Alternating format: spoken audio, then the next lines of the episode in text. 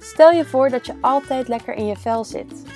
De beste versie van jezelf leeft, iedere dag weer. Dat is pas gezond. En dat is een hele levenskunst. Welkom bij de podcast van Mam en mij, waarin we je inspireren gezonder te worden. Om van je leven één groot geluksmoment te maken.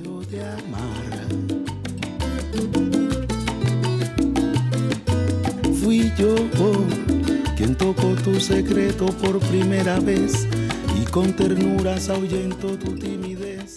y entró en Waar haal je passie en inspiratie vandaan? We onderzoeken wat inspiratie is en hoe je dat vindt. En Lanke legt uit waarom ze denkt dat gevoelige mensen meer potentie hebben. Vandaag bel ik in vanuit de woestijn. Ideaal, want we gaan het namelijk hebben over leegte en vervelen. Hey dochter, ik zie jou live. En bruin en wel. Goedemorgen mama. Hi. Goh, waar ben je nou? Want je bent nou opeens een heel stuk bruiner geworden. We hebben ons huis meegenomen, het huis op wielen, waar we normaal gesproken in Baja California en wonen. En we zitten nu in de woestijn, een stukje zuidelijker. Nou, ongelooflijk. Ja, echt Ongelooflijk. Ja, heel gaaf om je, om je, te- om je, om je te zien, want je eh, straalt ook. Dus ehm, het doet je echt goed om deze ja, het is uitstap echt een te maken. enorme vrijheid.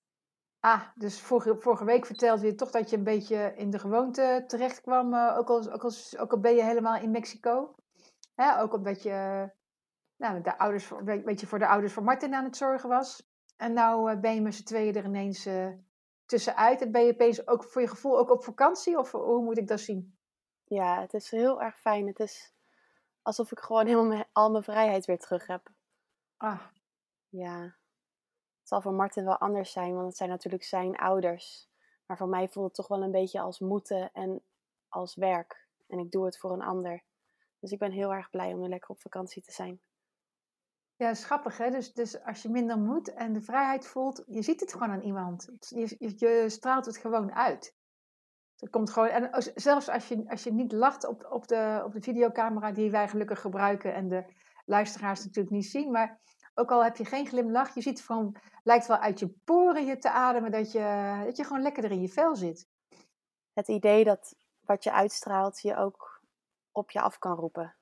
In Ja, positieve zin en in negatieve zin natuurlijk ook wel. Dus als je je goed in je, lekker in je vel voelt en dan komen de meest gave opportunities je kant op. Ja, dat is. En, eh, en ik, snap wat, je- ik snap wat je zegt. Ehm, dus als je lekker in je vel zit, dan, dan straal je dat uit en dan ehm, ja, komt het meer op je af. Maar wat mij betreft heeft het ook met keuzes te maken. Met je eigen keuze ook te maken. Oh ja? In wat voor zin dan? Nou ja, wat je net al zei van, eh, we zijn nou op reis. Dus je hebt natuurlijk- natuurlijk de keuze gemaakt om samen op reis te gaan. Hè? Dus dat is eigenlijk al een hele duidelijke keuze. Waardoor je in, deze, ehm, in dit gevoel, in deze flow terechtkomt. Maar het geldt eigenlijk voor elke dag. Dus bedoel, als ik snel een wandeling maak met mijn honden door het bos. Ja, dan, zie, dan kan ik niet opeens eh, de gouden kans voor mijn voeten zien liggen. Maar als ik een wandeling maak en al geniet van het lopen. Of ja, ik vind het altijd heel makkelijk om te genieten van de natuur. Dus de natuur laat mij meer stilstaan of laat me meer kijken naar de omgeving. Ja, dat doet me denken aan toen wij twee maanden geleden in Chacagua waren. Een super klein plekje in het zuiden van Mexico. De meeste mensen raden ons aan om in Puerto Escondido te blijven, de grotere stad. En dan een dagtrip of misschien een weekendtrip naar Chacagua te doen. Want ten eerste is er geen internet, er is überhaupt geen telefonisch bereik. Nu hebben wij wel een Mexicaanse simkaart, maar er is dus helemaal niks. Het is piepklein, je loopt er op blote voeten in een paar minuten doorheen. Heel misschien tien. En ja, er is misschien niet zoveel te doen op de manier dat wij Westerlingen, wil ik bijna zeggen, gewend zijn om dingen te doen. Martin noemt het dat we verslaafd zijn aan vuurwerk op ons afgegooid krijgen. We moeten constant prikkels hebben, constant dingen. En ja, mensen die willen dus niet lang naar Chacagua. Wij zijn er uiteindelijk, nou, hoe lang gebleven? Misschien anderhalve maand. En we gingen alleen maar weg omdat we dingen te doen hadden. En dan komen er de gaafste dingen op je af, want je hebt mooie ontmoetingen. Ik heb een twee meter lange schildpad gezien en nou, dat soort dingen. Die, mensen die zeggen dat Chakawa saai is en dat je er je weekend net doorkomt, maar daarna wel weer behoefte hebt aan de bewoonde wereld, ja, die gaan aan dit soort kansen dan voorbij. Nou, ik vind het wel heel mooi wat je zegt, uh, dat, dat voorbeeld dat Martin geeft van we zijn gewend aan vuurwerk dat op ons afkomt. En als je als je bewust bent dat dat inderdaad zo is, dan, uh, dan kijk je al heel anders naar je dagelijkse leven. En uh, dat is ook vaak de reden dat ik zeg dat gevoelige mensen, noem het hoogsensitief of hooggevoelig, maar ik heb liever gewoon gevoelig, dat vind ik wat praktischer, dat gevoelige mensen meer, ja, meer, meer potentie hebben wat mij betreft. En dat is ook omdat je uh, eerder beseft dat je uh, jezelf eigenlijk lastig laat vallen door de signaal die er op je afkomt. En eigenlijk de reactie daar weer op, trek je je terug of ga je juist kijken hoe je hè, terugtrekken is wat mij betreft vaak een vriesreactie. Hè? Dat is vaak van, nou dan, ik wil geen prikkels helpen, trek me terug. Ja, dat, dat, dat is niet per definitie gezondmakend. Um, juist niet, zou ik zeggen. Maar als je gaat kijken van die prikkels die op me afkomen, hoe kan ik daarmee omgaan? En hoe kan ik me daar wel prettig bij voelen? Of zijn er bepaalde keuzes voor nodig? Of uh, keuzes soms wel, soms niet? Of dat je gevoelig wordt voor een bepaald soort prikkel en de andere langs je heen laat gaan. Ja, dat is eigenlijk de ontdekkingstocht die ik zelf in mijn leven heb gehad. En uh, ja, die je echt gezonder kan maken, omdat je daar ook keuzes gaat maken. Het betekent als je gevoelig bent, betekent dat dus dat je mm, meer open staat voor wat er om je heen gebeurt en dus meer kan zien gebeuren misschien. Ja, je kunt, je, je kunt kijk, aan de ene kant komen die prikkels al veel harder bij jou binnen of veel eerder dan bij een ander. Maar als je je bewust wordt dat alles uh, een keuze is en dat er ook een keuze gemaakt kan worden, kun je dus al veel eerder, ja, noem het maar, voorsorteren op de, op de snelweg dan een ander dat kan. En uh, ja, dat, is, dat is het leerproces of het ontwikkelproces uh, ja, wat, ik, wat ik mensen graag mee wil geven, omdat je dan gebruik kunt gaan maken van je gevoeligheid. Ligt dat dan nog eens toe? Want ik zie dat nog niet helemaal voor me. Want dan nu zie ik gevoeligheid voor me als dat je dus best wel moe kan worden van veel geluiden om je heen bijvoorbeeld. Hoe kan je daar dan in keuzes maken en dat gebruiken?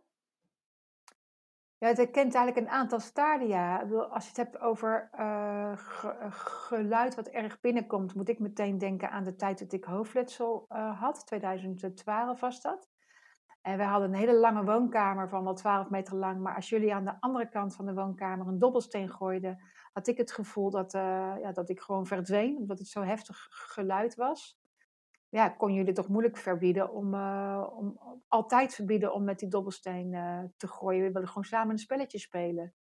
Dus toen was het eerst dat ik zelf moest gaan erkennen dat er gewoon gevoeligheid is. Dat is altijd het eerste stadium. Erkennen dat er gevoeligheid is, want het liefst leven we daaraan voorbij. Want ja, het is niet praktisch, het is niet handig als je gevoelig bent. Je wil gewoon je ding kunnen doen, je wil even goed en makkelijk kunnen werken als een ander. Dus gevoeligheid erkennen we meestal liever niet. Ik, ja. En gevoeligheid is juist, als je dat eenmaal beseft van jezelf, is dat juist iets wat je je hele leven elke keer weer opnieuw uitvindt en ontdekt. Ja, dat is wel wat ik bij mezelf zie en wat ik bij anderen, bij mijn cliënten zie ook. Dus eerst de erkenning. Nou, de erkenning kan al uh, rust geven. Dat klinkt heel gek, want maar we hebben in ons hoofd, ik heb last van, en dan weren we het af. Dus ik heb in mijn hoofd en dan gaan we aflopen weren. Eigenlijk gaan we dan lopen vechten. En het gekke is, dat snappen onze hersenen niet, maar door afweren wordt het alleen maar erger. Ik, ik pak dan altijd maar, de, maar het beeld dat je een kartonnen doos hebt. En uh, die kartonnen doos, stel je voor dat die open is, dan kan er alles in vliegen. Dus daar heb je geen zin in. Je maakt die doos dicht.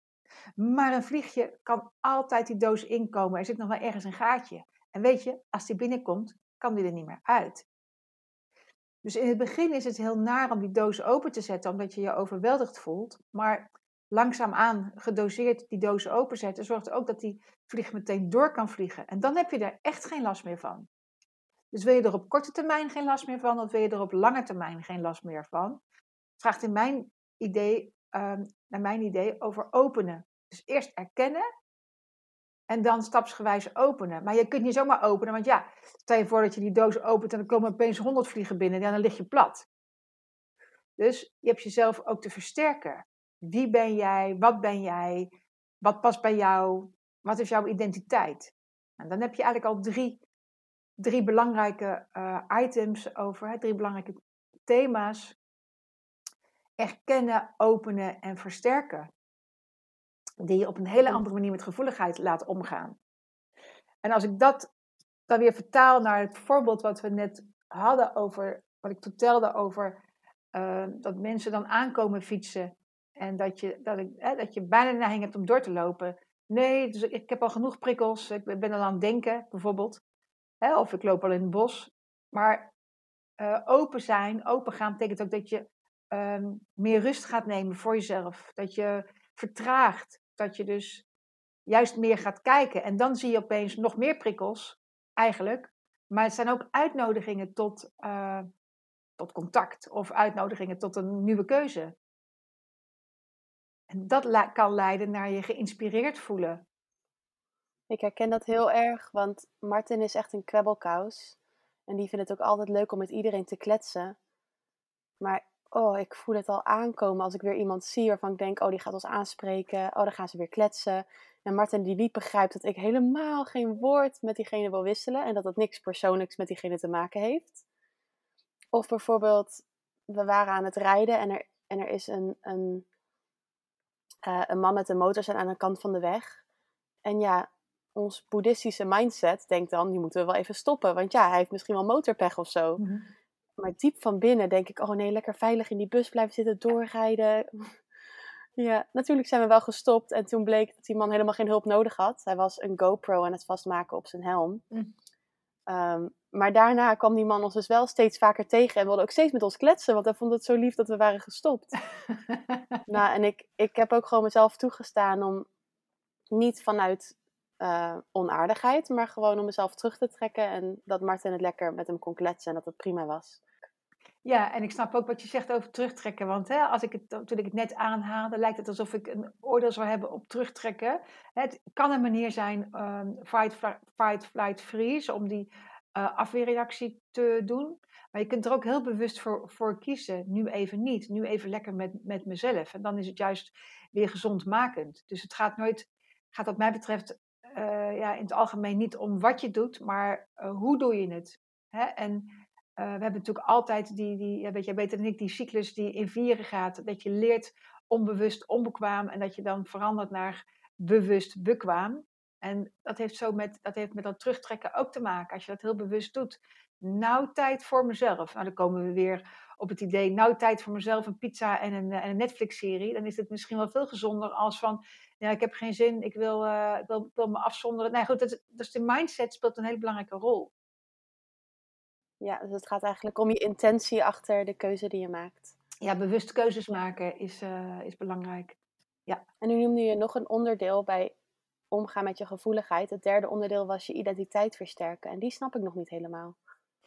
Ja, als je. Um,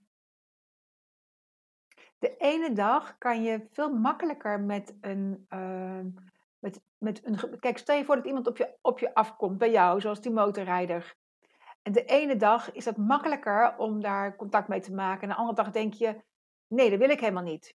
En dat kan ook te maken hebben met dat je de ene dag um, nou, gewoon uh, heerlijk uh, prettig voelt zoals je bent, uh, helemaal naar je zin hebt, lekker in je vel zit. En feitelijk zoals je er nu uitziet nu je op reis bent. Hè? Dus dat, dat zal al een hele andere, um, andere mindset zijn om, om, bezoek, om ontmoetingen te krijgen dan toen je daar hiervoor in, in die, ja, meer in die gewo gewoontestructuur zat.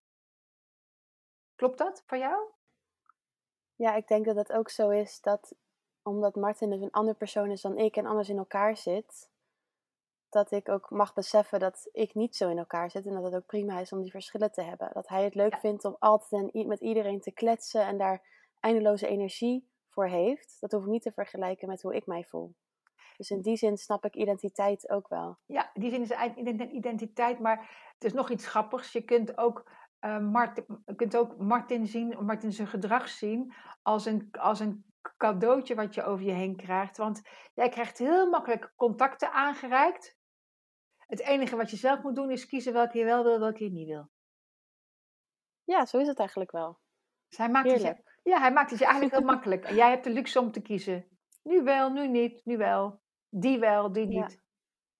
En dat, dus dat is één ding. Hij maakt het je makkelijk. Maar ook ehm, zal je eh, soms eh, met je eigen oordelen in, contact, in, in, in, conflict, in, in aanraking komen. Van, hé, die persoon zou ik nooit aangesproken hebben. Ja, jeetje, nou doet hij het wel. Goh, nou, hij is toch wel aardiger dan ik denk. toch of niet? Ja, inderdaad. Ja, dat is zo. En, en, en Ja. dat, dat, is, dat is inspiratie. Want wat is, wat is geïnspireerd worden? Wat is inspiratie krijgen? Dat is verder kijken dan je neus lang is. Nou, daar kan een ander soms eh, enorm eh, makkelijk voor zijn. Maar het gaat wel ook om je eigen keuze maken. Wel doen wat bij je past. Dus ja, stap je buiten je gewoontestructuur en je eigen keuze maken tegelijkertijd. Vandaag wilden we het natuurlijk hebben over eh, je passie vinden. Vinden wat bij je past. Mhm. En je zegt dus eigenlijk dat mensen met een hoge gevoeligheid hier al een steentje voor hebben. Is dat hoe je het zegt in het Nederlands? een streepje voor hebben. Een streepje. leuk, ja. Nou ja, dat kan. eh, inderdaad, dat, dat geloof ik wel. Alleen ehm, vaak hebben we de toegangspoort nog even vrij te maken. Want eh, eh, on- ons overlevings, on- overlevingssysteem zegt: ik moet mezelf wel beveiligen. Ehm, en beveiligen is vaak ja, de fight-flight-freeze-reactie. Weg van de impulsen. Dus, dus, die, dus die heb je wel dan eerst neer te zetten, zeg maar. Dat is de eerste die we. Hoe kan je jezelf echt veilig voelen te midden van de impulsen? Ik moet dan denken aan de, de, de oude huisgenoot van Martin die we pas hebben ontmoet. Ze waren huisgenoten zo'n tien jaar geleden, denk ik. Misschien wel vijftien. Ehm, en hij is juist het tegenovergestelde van een heel gevoelig persoon. Zijn hele leven bereidt hij zich al voor op het idee dat hij graag met pensioen zou willen zijn. En nu met 36 is hij daar bijna. Hij investeert allemaal in eh, cryptocurrencies en zo. Dus hij is er echt bijna. Tenminste, met het geld dat hij nu al heeft, zouden wij al lang met z'n tweeën aan pensioen kunnen gaan. Maar hij is gewend aan wat meer luxe. Ehm, dus nou ja, we, we spraken pas af voor een drankje. En hij zei, ja, nu, nu ben ik bijna met pensioen. En ik probeer ook heel erg veel. Ik probeer naar meditatiecursussen te gaan. Na te denken over misschien een travelblog beginnen. Maar ja, ik vind het eigenlijk wel spannend dat pensioen wat er aankomt. Want ik weet helemaal niet wat ik mezelf aan moet. En wat ik dan zie is iemand die misschien inderdaad niet zo gevoelig is. Of niet zo in contact staat met zijn gevoeligheid. En totaal niet weet wat bij hem past. Waar hij echt blij van wordt. Wat hem misschien inspireert. En daar heel erg naar zoekende is. En dus nu, nu is hij bijna met pensioen. En daar heeft hij zijn hele leven al op voorbereid. En nu weet hij helemaal niet of dat hem wel gelukkig gaat maken. Of hij denkt eigenlijk dat het hem niet gelukkig gaat maken. Nee, ik, ik, ik zie of ik hoor wat leedvermaak aan je. Want eh, je, je vindt het natuurlijk wel, je vindt het wel een mooi verhaal, inderdaad. eh. Ja, het is ook een heel pijnlijk verhaal. Maar eh, eh, ook, een, een- ook een leuke karikatuur. Zoals we toch wel heel vaak met z'n allen bezig zijn. Hè? Dus we, we, we, we, we, hebben een plan en we hebben een doel. En daar werken we naartoe. En eh, ja, die, di- di- dit verhaal van jou is zo extreem dat, dat, dat, dat deze man eigenlijk, ja, zijn, zijn tweede leven komt eraan, kun je wel zeggen. Hij moet het allemaal weer op, echt weer opnieuw het wiel zal hij gaan moeten uitvinden. Nou, dat is niet makkelijk wat hij, wat hij nou eigenlijk zich ten doel heeft gesteld. Misschien was het eerste helft van het leven genoeg geld creëren makkelijker dan, eh, dan de tweede helft van zijn leven eh, wordt. Want voor de tweede helft van zijn leven heeft hij Ehm, kijk, heeft hij, heeft hij de controle te gaan leren loslaten. En dat is natuurlijk, ik vind het altijd een verschrikkelijk modewoord, maar ja, in dit geval komen we er niet, eh, komen er niet, eigenlijk niet anders nu op. Ja, zijn van die woorden die, die echt van die verzamelvaten zijn, maar ja, soms werkt het niet anders. En hij heeft altijd met een doel gewerkt. En als je echt enorm doelgericht bent, dan zie ik als het ware een mannetje vormen, of een mensje, maar in dit geval een mannetje, die met zijn hoofd voorover loopt. Ja, ik ga dit doen. En dat vind ik wel mooi, want dan zie je ook dat het vanuit het denken is. En vanuit het eh, plannen maken en uitvoeren is. En, ehm, ja, en wat, is, wat is passie of wat is... eh, Passie is ook plezier, hè? Wat is plezier of wat is inspiratie? Ja, dat is een beleving. En voor een beleving heb je je gevoel nodig. Dus hij valt al van dat denken, van dat controle, over moeten gaan stappen naar gevoel. Ja, daar heeft hij gelukkig geld zat, dat is al misschien al minder spannend. Maar van controle naar, naar, naar je gevoel overstappen is een berenspannend proces. Ja, en wat het ook wel heel moeilijk maakt, is ik zie dat hij heel erg denkt in termen die wij in onze samenleving hebben meegekregen. Dus carrière, ehm, ja, dingen die wij vinden dat betekenis geven. Dus inderdaad, als hij denkt aan een leven met pensioen, dan denkt hij nog steeds in termen van carrière eigenlijk. Studeren, carrière. En hij zoekt dus nu naar een ander doel. Dus het lijkt bijna alsof hij nog dagelijks denkt binnen de termen van de samenleving, waar hij eigenlijk nu uit wil stappen omdat hij met pensioen wil. Dus hij wil het wel, maar hij kan er niet echt los van denken. Nee, wat een heel mooi beeld voor hem, voor hem zou kunnen zijn. Want anders dan blijft hij, gaat hij enorm in denken zitten en dan komt hij er misschien niet uit. Wat een mooi beeld zou kunnen zijn voor hem, is dat je een plaatje tekent voor hem. Dat hij eerst een doel buiten zich legde. Dus gewoon een mannetje en een eind voor hem een doel. Dat het daarheen heen aan het wandelen is.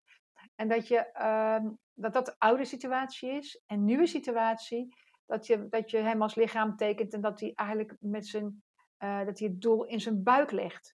Zoals we ook wel uh, hara noemen, hè, buik. Uh, maar buik is ook je gevoelsleven. Want ja, hij, hij, zal, hij, hij wil nog steeds betekenis geven, betekenis hebben. Maar in dit geval is het niet geven, dus het najagen. Maar in dit geval is het betekenis of uh, gaan voelen. En betekenis gaan voelen, zie ik hetzelfde. Misschien is dat te snel voor jou, moet je me even zeggen of dat klopt voor jou. Betekenis voelen is hetzelfde als voldoening voelen. Ben je, ben je het ja, gek? dat begrijp ik wel. Ja? Oké, okay. dat ik dat in één adem noem. Dus je echt voldaan voelen, dat, dat, is, waar, dat, dat is de nieuwe situatie waar die heen, uh, waar die heen gaat. Ja, ik ervaar ook bij mezelf dat het echt heel erg lastig is. Um, in dit eerste jaar dat ik niet meer studeer en niet meer in Nederland woon en een fulltime baan heb of, of een studie dus, merk ik dat ik wel nog steeds zoek naar iets soortgelijks. Omdat ik ik denk, heb geleerd dat dat betekenis geeft. En dat is ook voldoening geeft op dit moment. Omdat ik daar nog zo in zit bij mijn mindset. En ik kan dus nog niet helemaal vrij zijn en voldaan zijn met een leven wat dat niet in zich heeft. Daarom dat ik ook cursussen ging volgen. En ik zie dat dan bij Martens huisgenoot ook. Dat hij cursussen ging volgen, op zoek ging naar trainingen. En als ik naar Martin kijk bijvoorbeeld, die al tien jaar misschien meer niet meer in het leven zit hij is echt voldaan met van dag tot dag leven, met ervaringen. En ik kan dan toch niet helpen dat ik denk van ja, hmm, is dat nou een betekenisvol leven? Dus ik heb daarin misschien ook nog wel heel veel los te laten. Ja, maar weet je, dat geldt voor mij ook terwijl ik hier trainingen in uh, geef. Uh, maar dat komt ook omdat je heel graag creëert. Dus als je ook nog eens het manco hebt dat je heel graag wilt creëren, dan is het veel lastiger om uh, alleen door ervaringen voldoening te krijgen. Dus ik, ik, ik weet, ik ken, ik ken jou Martin een beetje. En ik weet dat Martin ook bijvoorbeeld gitaar aan het spelen uh, steeds meer zichzelf dat ont, ontwikkelt. Dus in die zin is hij ook aan het creëren, zeg maar. Um, maar goed, als je heel veel nog wil creëren, dat, geeft eigenlijk wel aan, hè? Dat is ook wat je hoofd dan natuurlijk, um, waar je hoofd dan ook in meedoet. Dus inderdaad, dan heb je ook nog plannen. En aan de andere kant, ja, kun je zo ook iets creëren. Dus het blijft een speelveld, ja, blijft een speelveld tussen zijn en doen eigenlijk dan, hè? Zijn is gewoon zijn met wat er is en wat op je afkomt, daarop reageren. Maar, en doen is, ook, doen is ook plannen hebben en die uitwerken en die opvolgen. Ja, en wie zegt ook dat het verkeerd is om wel binnen die mindset te zitten van dat dus een carrière nou eenmaal voldoening geeft. En wie zegt dat het verkeerd is? Als het je echt voldoening geeft, is dat dan ook echt je passie? Ja, nou, ik geloof dat niks verkeerd is. Ik geloof niet in goed en fout. Ja, we, zijn gewend om in goed en fout te denken. Maar uh, waar het om gaat, het gaat natuurlijk over duurzaam gezonder worden. Om gaat is of je gelukkig bent, of gelukkig voelt, of dat je nog iets wil in je leven. Daar gaat het eigenlijk om. Want dat is, dat is de aanjager tot een verandering die je, uh, ja, die je in je leven wil. Of uh, die je in jezelf wil voelen. Of, uh, dus ja, ik noem dat intrinsieke, eh, intrinsieke motivatie. Het komt uit jou of je iets anders wil, ja of nee. En als je daar gewoon tevreden bij bent, is het oké. Maar is dat niet helemaal waar? Want het kan ook inderdaad door je partner komen dat je een intrinsieke motivatie krijgt. Maar dan is het meer je partner die hem wakker maakt in jezelf, zeg maar. Hè? Zoals wij naar, naar, naar onze, ons, ons natuurgebiedje verhuisd zijn uh, op instignatie van mij. Uh, maar, maar, maar, je, maar je vader, Tom, dat wel heel van, van harte heeft opgepikt en het ook heel erg meedraagt, zeg maar. Maar ik hoor nu bij jou eigenlijk ook een inspiratiebron, namelijk je man. Want jij vindt het ook gaaf dat hij zich voldaan voelt door die ervaringen die hij opdoet. Dus ja, het is wel heel gaaf als je. Ja, maar misschien is dat ook wel zo omdat ik stiekem denk dat het dus ongezond is om binnen zo'n Nederlandse samenleving mindset te zitten. Om na te denken over je leven, je passie, je geluk in de taal van de Nederlandse samenleving. Studeren, carrière, huis kopen. Omdat ik het gevoel heb dat dat niet helemaal vrij denken is. Terwijl je hebt helemaal gelijk, want als het je echt geluk geeft, dan is dat alles wat telt. Dan maakt het helemaal niet uit. Maakt niet uit, nee. Martens opmerking naar zijn vriend toe was um, echt een harde opmerking. Ja, dat je tijd moet stoppen in je hobby's. Ja. Hij zei, ja, die jongen heeft gewoon nooit tijd gestopt in hobby's ontwikkelen. Ja. Ja, en, en hobby's ontwikkelen is ook helemaal niet zo heel erg leuk, zegt hij. Want in het begin uh, kan het best wel moeilijk allemaal zijn, een hobby. Maar ja, als je er eenmaal beter in wordt, dan wordt het gaaf. En toen dacht ik echt, nou, hier ben ik het helemaal niet mee eens. Surfen was natuurlijk heel erg moeilijk. En toen ik ermee begon, had ik niet het gevoel dat ik het moest doen. Ik wilde het doen. Ik vond elke stap erin leuk. Ik heb nooit het gevoel gehad van, oh, deze hobby, daar moest ik aan beginnen. En het was echt even een moeilijke tijd. Maar toen had ik ook wat aan het einde. Dus ik vond die opmerking van Martin naar zijn vriend toe heel gek. Ja, grappig hè. We hebben allemaal dus ons eigen moeten. We hebben allemaal ons eigen moeten. En, en, dat het, en ook allemaal onze eigen prestatiebehoeften. Want jij kan wel leuk zeggen, eh, Martin die voelt zich voldaan door de ervaringen. Maar Martin wil ook heel graag presteren in zijn ervaringen. Dus daar zit bij hem ook weer moeten op. Dus hij laat je gewoon het moeten zien. Hij vindt dat hij tijd moet steken in zijn hobby's. Om ook weer een prestatie neer te zetten. Dus presteren en moeten ligt eigenlijk, uh, ja, ligt eigenlijk in elkaars ver, verlengde. En ik geloof dat we allemaal meer ontspannen en gelukkiger worden als we dat moeten ook weer uh, uh, verlagen. Als we dat moeten weer, um, als we ons ontdoen van het moeten. Maar het is wel een geleidelijk proces. Want dat moeten is ook de controle die je erop wil hebben. Controle en prestatie ligt in elkaars verlengde. Je kunt wel zeggen van ja, hij is voldaan door die ervaringen die hij opdoet. Maar waar het elke keer weer op gaat, dat we de moeten van onszelf ontdekken. En hij heeft er dus ook moeten op zitten. Hij heeft ook de prestatiebehoefte bijna in het deliveren of ontwikkelen van zijn hobby's. En uh, moeten en prestatie leveren, ja, dat is verbonden met controle hebben. Het is een doel waar je heen wandelt, zeg maar. Waar je heen gaat. En um, ja, om meer te gaan beleven, ja, heb je stapje voor stapje die controle los te laten.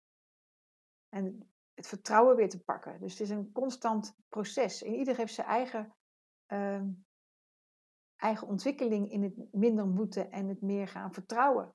Of meer gaan beleven. Een vriendin van mij, die studeert nu en is bijna klaar. En is aan het kijken naar bepaalde stages, uh, nog verder studeren misschien, werk. En die heeft niet echt het gevoel dat ze geïnspireerd is. Is op zich wat tevreden en blij, maar niet echt geïnspireerd. Zij wil dus eigenlijk meer in contact komen met haar echte passie, met wat haar inspiratie brengt. Maar hoe pak je dan zoiets aan? Want je hebt nu voor die huisgenoot van Martin gezegd, die visualisatie van meer de beleving in jezelf zoeken, meer de, de voldoening in jezelf zoeken. Nou, vind ik dat nog best wel lastig, maar goed, het is een begin. Maar hoe pak je dat dan aan als je aan het hm. studeren bent, bijna klaar bent en ook even helemaal niet weet wat je moet doen? Net zoals die jongen straks met pensioen is. Wat, hoe ga je dat dan aanpakken? Ja, ze maken eigenlijk de omgekeerde weg door. Dus die jongen die met, bijna met pensioen is, die heeft uh, de, in de buitenwereld al heel veel neergezet. Dus die mag meer in de binnenwereld, in zijn binnenwereld ont, ontwikkelen. En uh, ik snap dat je niet helemaal het, het, beeld snapt wat ik voor hem schets als tekening, zeg maar, als beeld. Maar uh, ons onbewuste kan heel veel met beelden. En dan, uh, dat is makkelijker om buiten je mindset te gaan. Want we hadden het er, er straks al over, inspiratie, daar heb je buiten je mindset treden ook voor nodig. Dus juist een beeld aan onszelf aangeven, kan ons op een route, op een weg laten gaan die we nog niet kennen. Dus dat is voor die man heel duidelijk. Gewoon, laat, laat hem gewoon een test draaien. Doe, uh, doe drie weken lang, kijk elke, maak, een, maak, een, maak een plaatje voor op zijn telefoon, kijk er elke, drie weken lang elke dag naar. Voor jouw vriendin is een ander verhaal, omdat ze uh, juist uh, heel veel met, met studeren, ik zie het altijd, ik doe het natuurlijk ook wel online of wel in collegezalen, maar ook heel veel ja, al, al innerlijke kennis heeft opgedaan, zeg maar als het ware. En daar is het veel belangrijker voor dat ze, want die, die gaat eigenlijk meer naar het uh, in beweging komen naar de, in de buitenwereld. Dus voor jouw vriendin is het veel belangrijker dat ja, wat ze ook maar gaat doen, later iets gaan doen. Ik weet niet of ze al uh, een bijbaantje en zo heeft, het zal, hè, dat zal wel, maar later op zoek gaan naar een bijbaantje wat, wat nieuw is of wat, wat anders is. Dat aan de ene kant. Uh, dus, hè, dus gewoon juist in beweging komen. Kan juist de ene beweging lokt de andere beweging uit. Hè? Dus in beweging komen, hoe klein die beweging soms ook is, kan heel belangrijk zijn om, uh, om je weer op andere paden te kunnen brengen. Wat ook belangrijk is en wat we veel te weinig doen in de, in de huidige tijd, trouwens misschien wel al heel lang, is onszelf vervelen. Uh, en je, straks zei jij al van, uh, dat, dat, je, dat je impulsen kunt zien als vuurwerk wat steeds op je afkomt. En dan heb je dus ook steeds iets om op te reageren. En om, dan om iets nieuws te gaan reageren is niet makkelijk. Dus weet je nog dat als jullie je vroeger als kind verveelden, dat ik dat, ik dat het advies kreeg oh, ja. om dat ook even te laten zijn? Heel irritant. Ja, zeker. Irritant betekent altijd dat je de controle aan het los, loslaten bent. Dus lekker, lekker laten irriteren. Maar wat gebeurde er op het moment dat je je verveelde? Weet je dat nog? Ik geloof dat ik dan meer om me heen ging kijken. En toch met een soort van nieuwe blik weer naar mijn spullen kon kijken. Maar niet elke keer hoor. Soms was het ook wel ja. heel erg lang vervelend. Niet altijd. Nee, zeker, het kan niet altijd. Maar het helpt wel. Dus het helpt wel om uh, je eigen omgeving met, met nieuwe ogen te bezien. En om, ja, om inspiratie krijg je niet zomaar. Daar, heb, daar is iets voor nodig. Je kunt niet zitten wachten tot het op je afkomt. Je kunt wel ruimte creëren, waardoor inspiratie kan ontstaan. Ik geloof dat het bij die vriendin ook wat te maken kan hebben met dat ze dus haar eigen moeten heeft, net zoals Martin dat dus heeft. In die zin dat ze niet denkt buiten deze mogelijkheid. Niet denkt aan andere mogelijkheden om je leven mee in te richten. En dus alleen maar denkt in, nou, ik, na studie moet je wel ook nog een master doen. Misschien nog wel een tweede master. En dan moet je eigenlijk ook wel stage lopen. En dan mm, een werk gaan zoeken, wat dan ook nog wel past bij, je, bij de studie die je gedaan hebt. En past bij jou. En dat moet natuurlijk allemaal perfect zijn. En er is natuurlijk veel meer mogelijk. Ik bedoel, kijk, wat wij nu aan het doen zijn, dat is ook nog een mogelijkheid voor iedereen. Je kan ook gewoon rond gaan reizen of een baan doen die je wat minder voldoening misschien geeft, maar die je wel toestaat om een dure hobby bijvoorbeeld van je uit te voeren. Ja, ik weet niet. Ik heb het gevoel dat ze misschien vastzit in die gedachte van wat hoort. -hmm.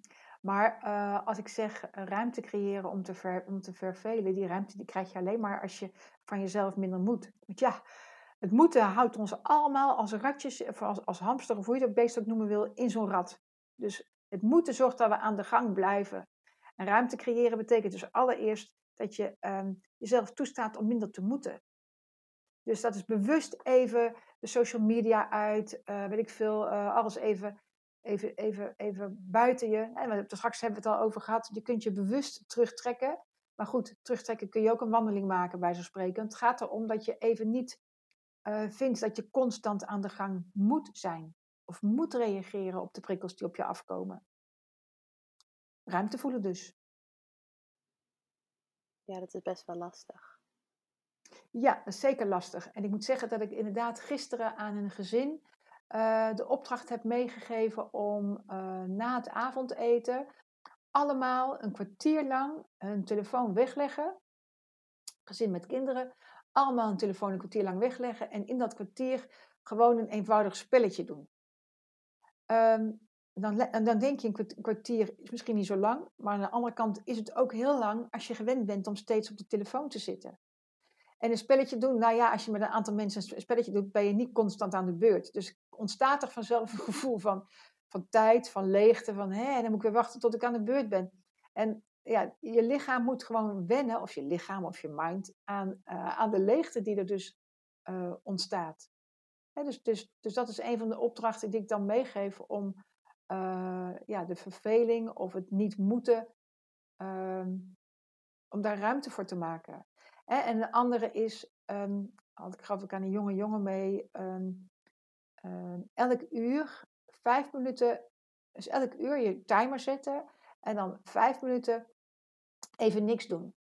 Die jongen die houdt heel erg van gamen. Vijf minuten niks doen. Nou, maar dat is kort. Dan kan ik ook wel mijn mail checken, zei hij. Nee, in die vijf minuten geen social media, geen mail checken, maar gewoon even door je huis lopen. En misschien iets te eten of drinken halen, zei hij. Nou, dat is een hele goeie. Gewoon doen.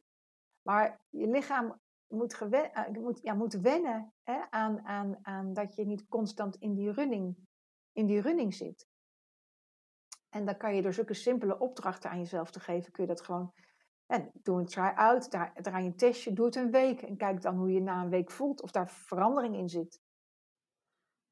Martin en ik zitten dus nu in de woestijn waar ook helemaal geen bereik is. Wij maken deze podcast nu doordat ik bij een winkel ben gaan zitten die zo'n satellietschotel heeft en wifi verkoopt. Ah. Um, maar het is dus heel erg lastig. We hebben het al eerder meegemaakt in Chakawa, die plek waar ik het eerder vandaag over had.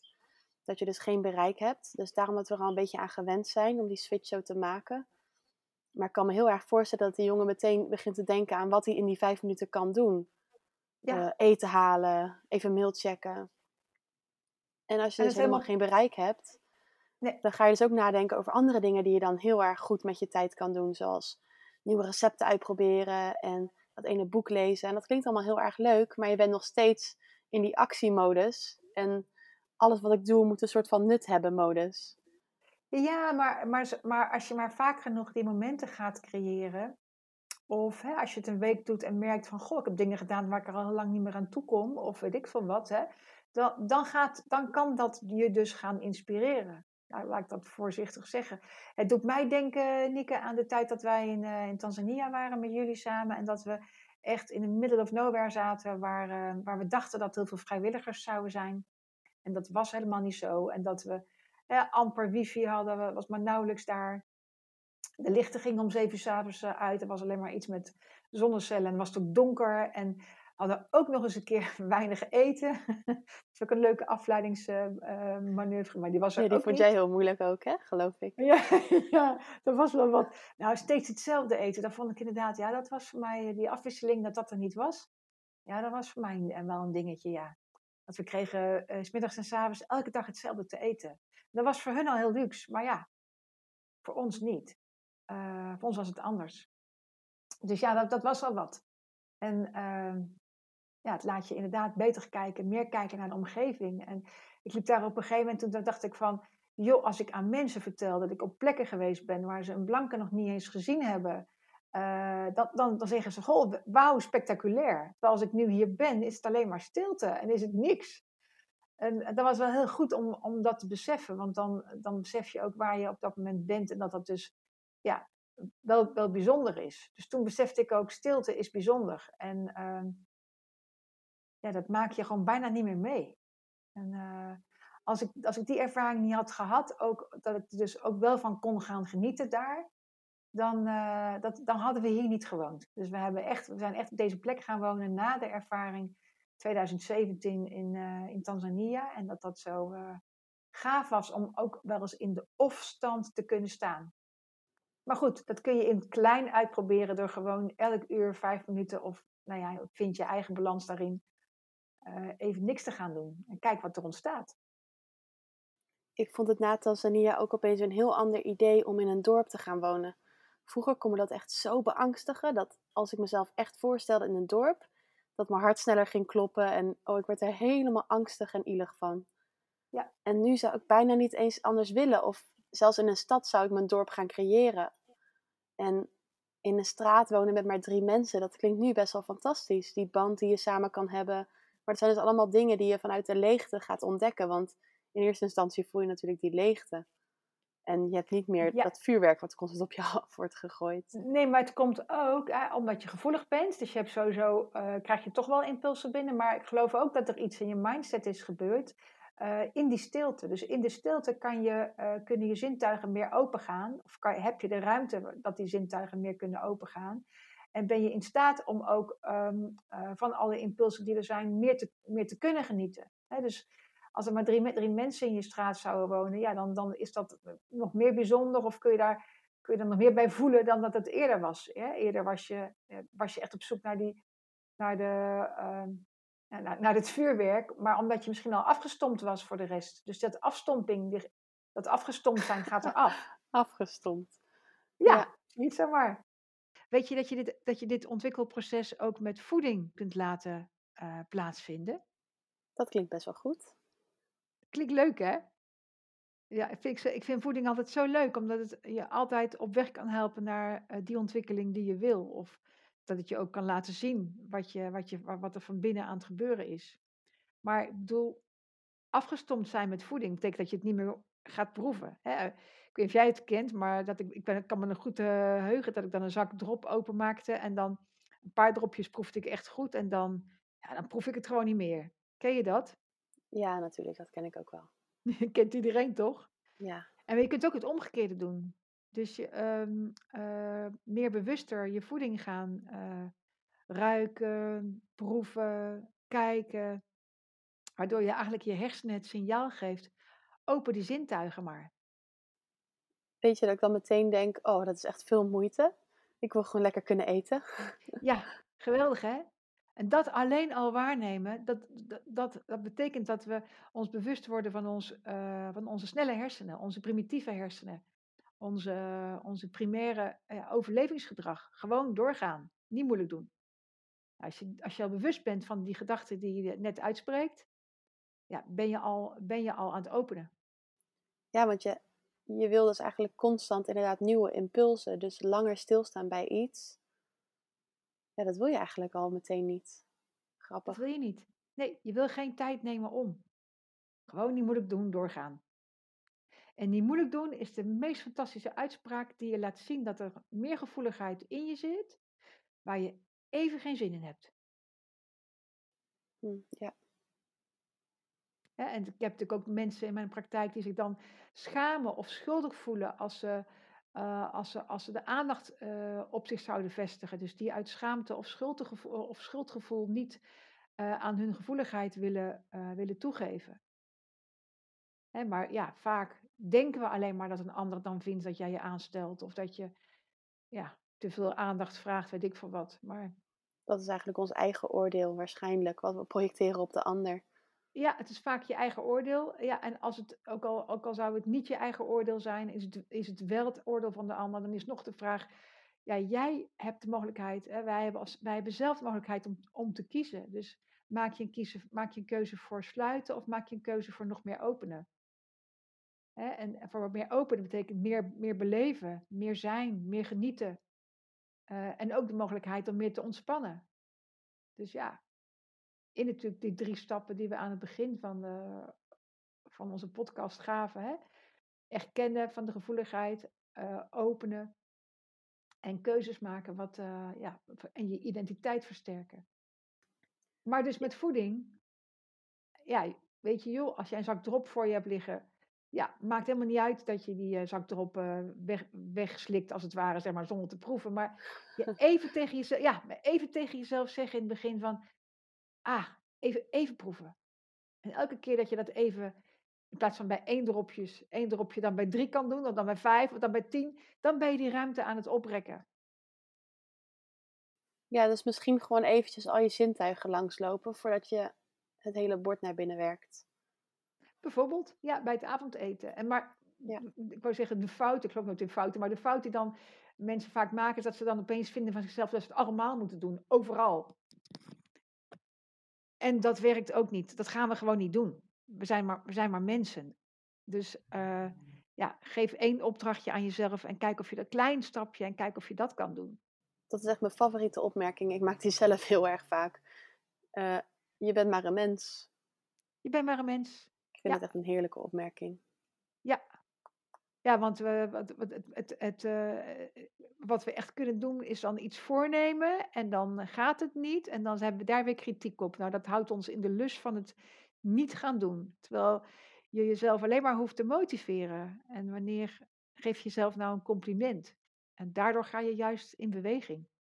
Dat is nog een leuke, uh, leuke voor die vriendin van jou, die, student die bijna met haar studie klaar is. En ja, kijk, het, het, het, het zal zeker, als ik jou, als ik jou ken, een vriendin, een meisje zijn met heel veel potentie en heel veel, uh, heel veel inzicht. Maar dan is het zo makkelijk om in, in een prestatie te stappen en in het moeten te blijven zitten. Dus alleen al aan haar vragen van hoeveel complimenten geef jij je op een, zelf op een dag, gewoon omdat je er bent. en dat, dat kan al meer ontspanning in het leven roepen en al haar wat meer uit die prestatiemodus halen. Ja, ja. Ja, precies. Ja, daarom vind ik, je bent ook maar een mens, een heel erg fijne opmerking. Het is nog geen compliment, maar je geeft jezelf daar wel wat, wat meer ruimte door. ja, ruimte. Ja. Ja, en de ander ook. Hey, je bent maar een mens, dat, geldt, dat, dat is een hele mooie uh, om, jezelf als, als, uh, om het tegen jezelf te zeggen. Dat, is, dat maakt het al wat neutraler. Nou, dan kun je nog een compliment geven. Uh, en je kunt met voeding aan, aan de slag gaan door gewoon te zeggen, nou, alles wat ik, wat ik voor me heb liggen, als ik één hapje goed eet of één hapje be bewust eet of daarvan geniet of nou weet ik veel, dat, ja, dan, ben ik al, dan ben ik al aan het openen. Dan gaat mijn geluksmoment zich vandaag, denk ik, plaatsvinden tijdens het eten. Weet je ook al wat je gaat eten? Ik heb uh, gisteren een bak hummus gemaakt, maar nog niet geblend, want we leven hier dus op zonnepanelen en de, de accu waarop we leven is eigenlijk hartstikke stuk. Dus s'avonds kan je er niks meer op aansluiten. En heb ik dus niet met de handmixer het even door elkaar kunnen mixen.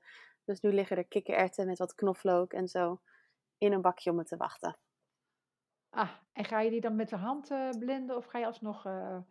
Nee, nu staat de zon weer boven op het zonnepaneel en dan doet de accu het wel weer goed genoeg. Het is vooral s'avonds dat het niet meer werkt, omdat er geen zon meer is.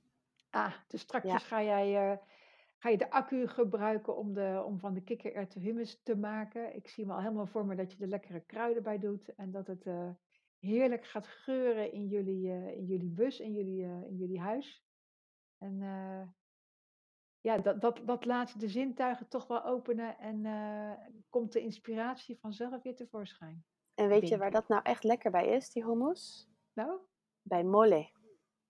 Oh. En mole is die soort van, ja, pasta die ze hier in Mexico maken. Het is heel erg chocoladesausachtig, maar ook best wel een beetje pittig en wel meer zout dan zoet.